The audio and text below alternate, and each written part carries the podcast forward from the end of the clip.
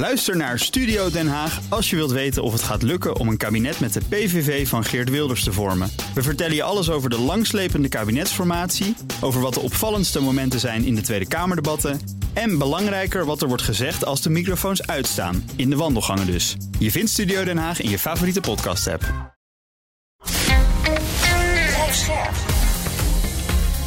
BNR Nieuwsradio.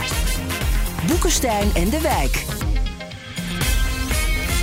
Hugo Reitsma. Dit is een extra uitzending van Boekenstein en de Wijk in verband met de oorlog in Oekraïne en de crisis met Rusland. Het is maandag, dag 264 van de invasie.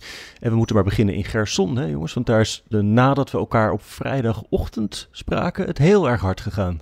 Hmm. Ja, en zelfs zo snel. Dat, kijk, het kost dus enkele weken om uh, zoveel soldaten daar weg te halen. Dat weten we. Hè? Nou, er was niemand meer. Dus nu zeggen de experts, ja, kennelijk zijn ze al veel eerder begonnen met hm. mensen weg te trekken. Ja, dat zou dan een misleidingsoperatie moeten zijn van je welste. Ja. Maar dan is dus, dan, dan is dus Arend Jan, uh, is uh, Zelensky ook misleid. Uh, want vanuit het kamp van Zelensky klonken, klonken uh, continu uh, het, ja, dit dreigement, om het maar zo te zeggen, dat het een tweede Stalingrad zou kunnen worden. Dat zag hm. je ook bij die Russische mailbloggers. Ja. iedereen die verwachtte en kennelijk ook de Oekraïnse militaire staf een langdurige strijd. En het, ja, het is heel merkwaardig dat dat nu in één klap is opgegeven. Wat ik ook merkwaardig vind is dat kennelijk zijn de, is de intelligence zo slecht dat ze gewoon niet goed kunnen zien dat er 20.000 mensen over die pontons lopen. Hm. Ik heb er één filmpje van gezien, heel laat, maar dat moet er dus heel veel zijn geweest. En dat moet ook al twee weken geleden zijn begonnen. Ja, ik, ik, zag één, uh, ik zag één goede verklaring van, uh, dat kwam uit Rusland, interessant genoeg. En daar werd gezegd uh, dat die generaal Surovikin, die zou van Poetin zich hebben mogen terugtrekken op voorwaarde dat hij de rest van de Donetsk Oblast in zou nemen. Hm. En dat verklaart dus ook die enorme gevechten die er op dit ogenblik gaande zijn bij Bakhmut. En ook Zelensky heeft gezegd, de strijd daar is enorm. En dat is nog het enige punt waar Rusland ook daadwerkelijk vorderingen maakt. Dat heeft hij wel nodig, die vorderingen omdat hij anders helemaal geen overwinning meer kan claimen. dus nou, dat, dat uh, Poetin zijn troepen daar heeft teruggetrokken is wel duidelijk. De vraag is of dat nou onder druk van die generaals is uh, gebeurd of dat hij dat zelf is uh, heeft besloten. Want hebben jullie al wat van Poetin gezien op dit punt? nee, nee, helemaal nee, niks. Dat is, nou ja, dat is wel, ja, dat moet veelzeggend zijn. Ik denk dat Poetin, ja, als je het zo bekijkt, en vorige week hebben we ook uh, die, uh, uh, ja, onze verwondering uitgesproken en toen de theorie gelanceerd van, ja, misschien zou het wel gewoon kunnen zijn dat hij gewoon overroeld is. Dat zou dus echt heel erg merkwaardig zijn. Ja, maar je zegt ook iets anders heel interessants. Kijk, er zijn dus veel Oekraïnse troepen bij Gerson natuurlijk zaten daar vast, zaten te wachten om aan te vallen. Hè? Ja. En, en daardoor kon dus Poetin in het oosten bij Bakhmut uh, op minder Oekraïnse tegenstand rekenen. Ja, Kijk, dat klopt. Dat, dus, dus, we zien dit soort spelletjes voortdurend gebeuren. Hè? Ja, nou ja, dat is natuurlijk het hele punt van, uh, kijk, het meest logische op dit ogenblik is, is dat Russische troepen nu worden verplaatst, gedeeltelijk van dat front bij Gerson naar het front bij Bakhmut. Mm -hmm. want dan kunnen ze daar proberen door te pakken. We weten dat bij Gerson de meest geoefende troepen van Rusland zaten. Daar zaten onder andere luchtmobiele eenheden. Wagner, die zit nu ook bij, bij Bakhmut. die Kadirov, die heeft daar ook troepen zitten. Dus zeg maar de beste troepen, die worden nu, lijkt het, maar ja, allemaal met slagen om de armen, want we hebben ook niet alle informatie. Die lijken nu te worden gedirigeerd in de richting van Bakhmut zodat uh, er een overwinning kan worden geboekt in de Donetsk Oblast. Ja, dat zou kunnen. En dan zouden ze dus een, uh, een, een operatie moeten organiseren, uh, organiseren ten oosten van de Dnieper. Ja, om de Oekraïne zoveel mogelijk tegen te houden. Dat zou kunnen. Er waren zelfs Oekraïense bronnen genoemd die zeggen dat de Russen zich ook terugtrekken van de oostoever van de Dnipro. En verder terug naar Melitopol Ah. en Mariupol. Ja, dat Ja. Ja. Onbevestigd, maar... ja. Dat is onbevestigd. Nou ja, als dat zo zou zijn, dan zou dat echt een totale doorbraak zijn. Het, alles kan nu. Hè? Alles is nu gewoon op dit ogenblik mogelijk. Omdat wat hier Ja. gebeurt is gewoon ja, zo buiten de boekjes eh, valt. En ehm, ik, ik, ik heb ook werkelijk eh, geen expert gezien eh, die dit op deze manier voorspeld had. Dat Hm. zonder slag of stoot, want daar kwam het feitelijk op neer dat eh Gerson zou vallen. ik, ik, heb ze wel gezien op Twitter, maar ja, die weten al alles beter. dus, maar nee, dit is echt wel merkwaardig. En ik, ik, ik heb dus gezien dat de generale staf van Oekraïne, Zelensky zelf, ook hierdoor zijn overvallen.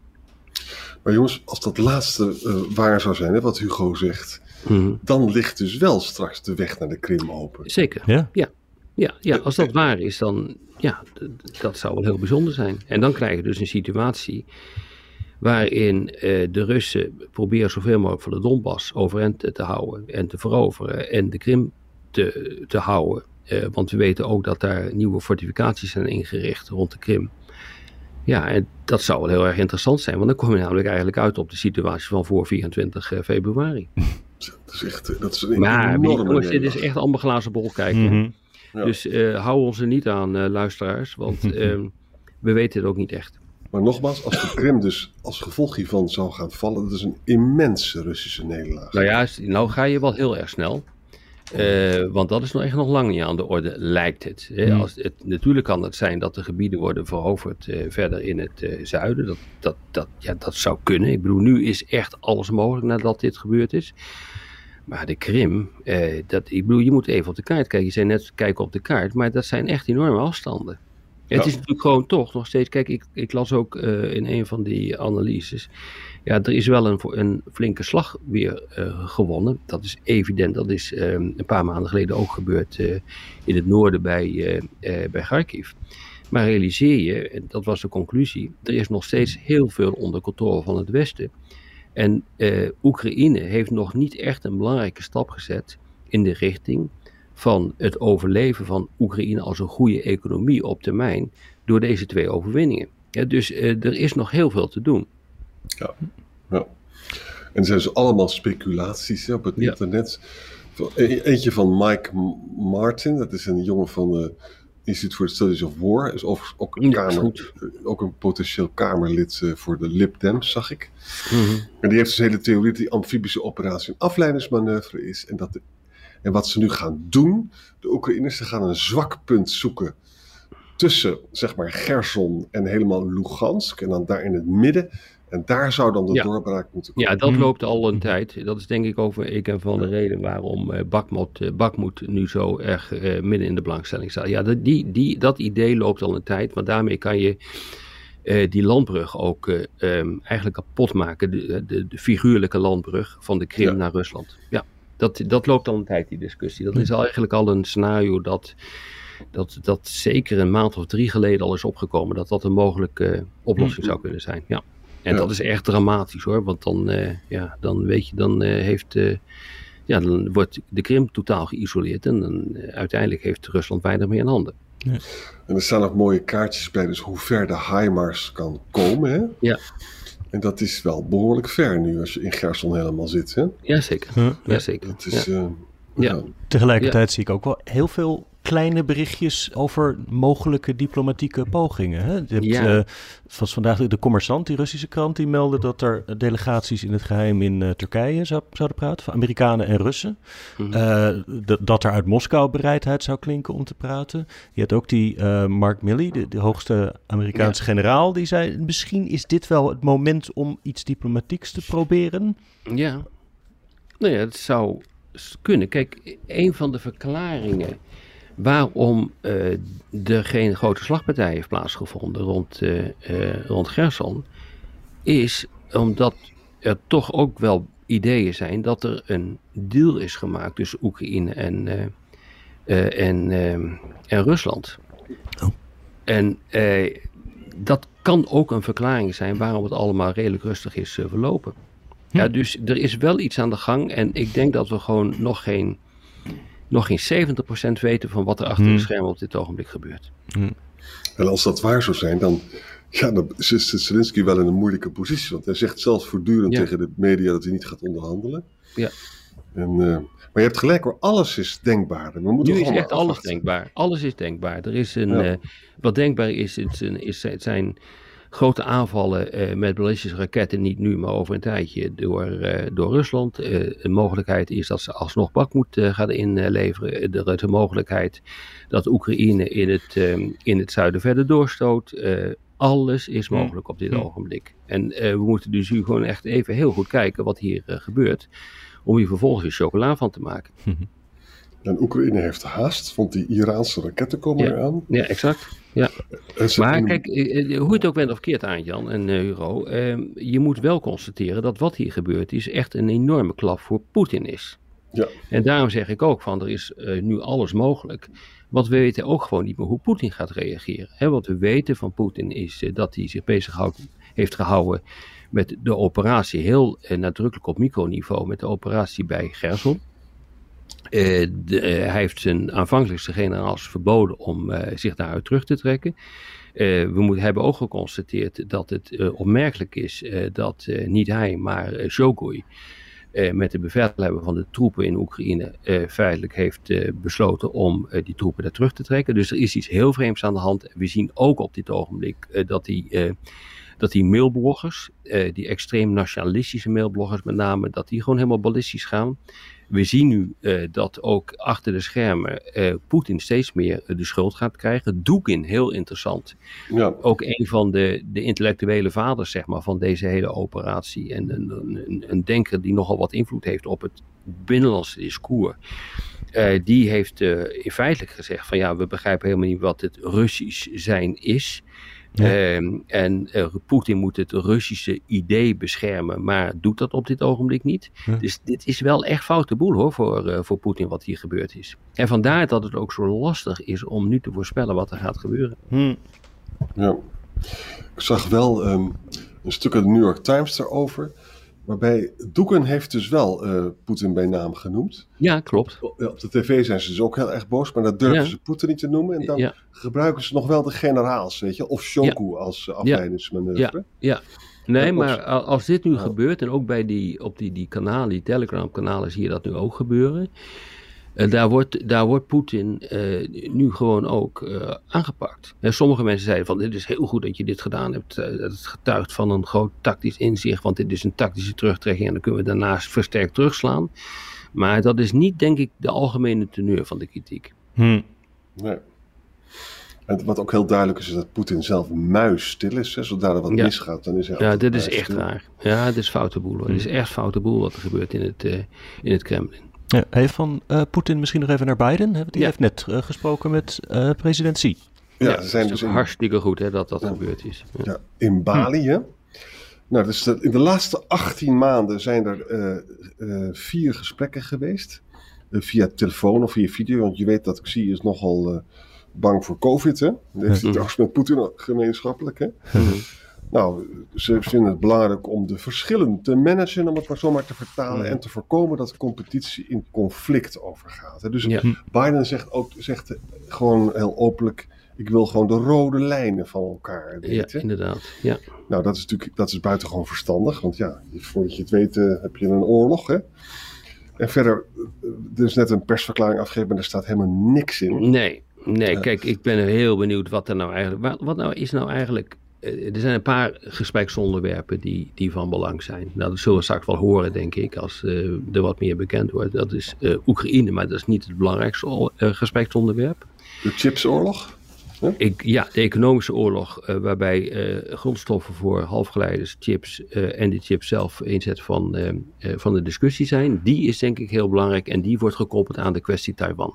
Omdat Ja. de belangrijkste chipsfabrikant TSMC op Taiwan zit.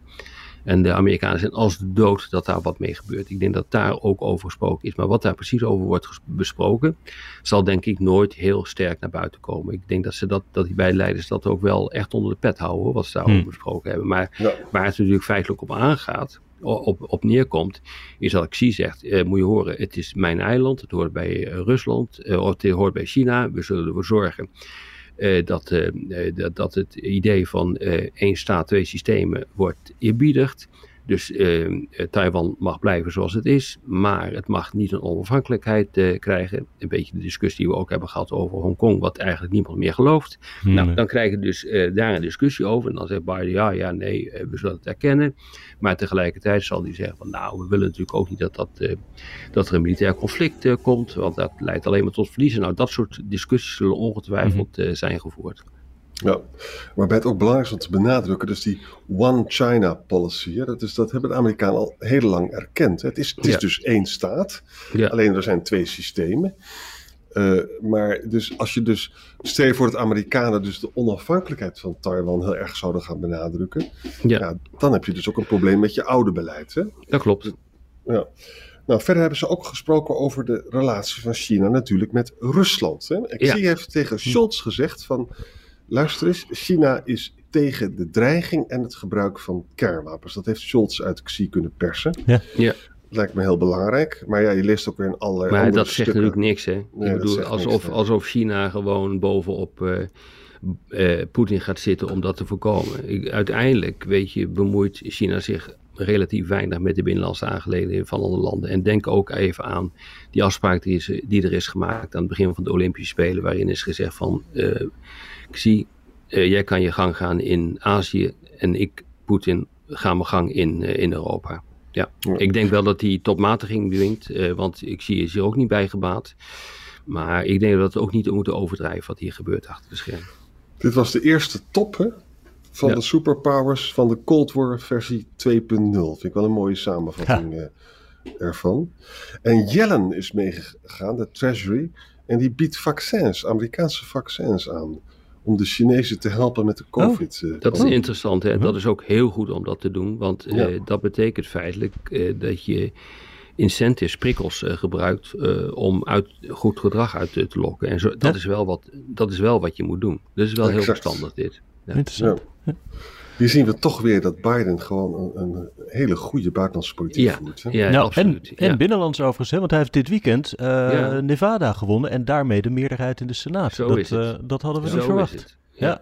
Hij verwacht niet dat hij ook nog een keer het, het huis uh, nee. kan krijgen, maar zit er wel dicht tegenaan hoor.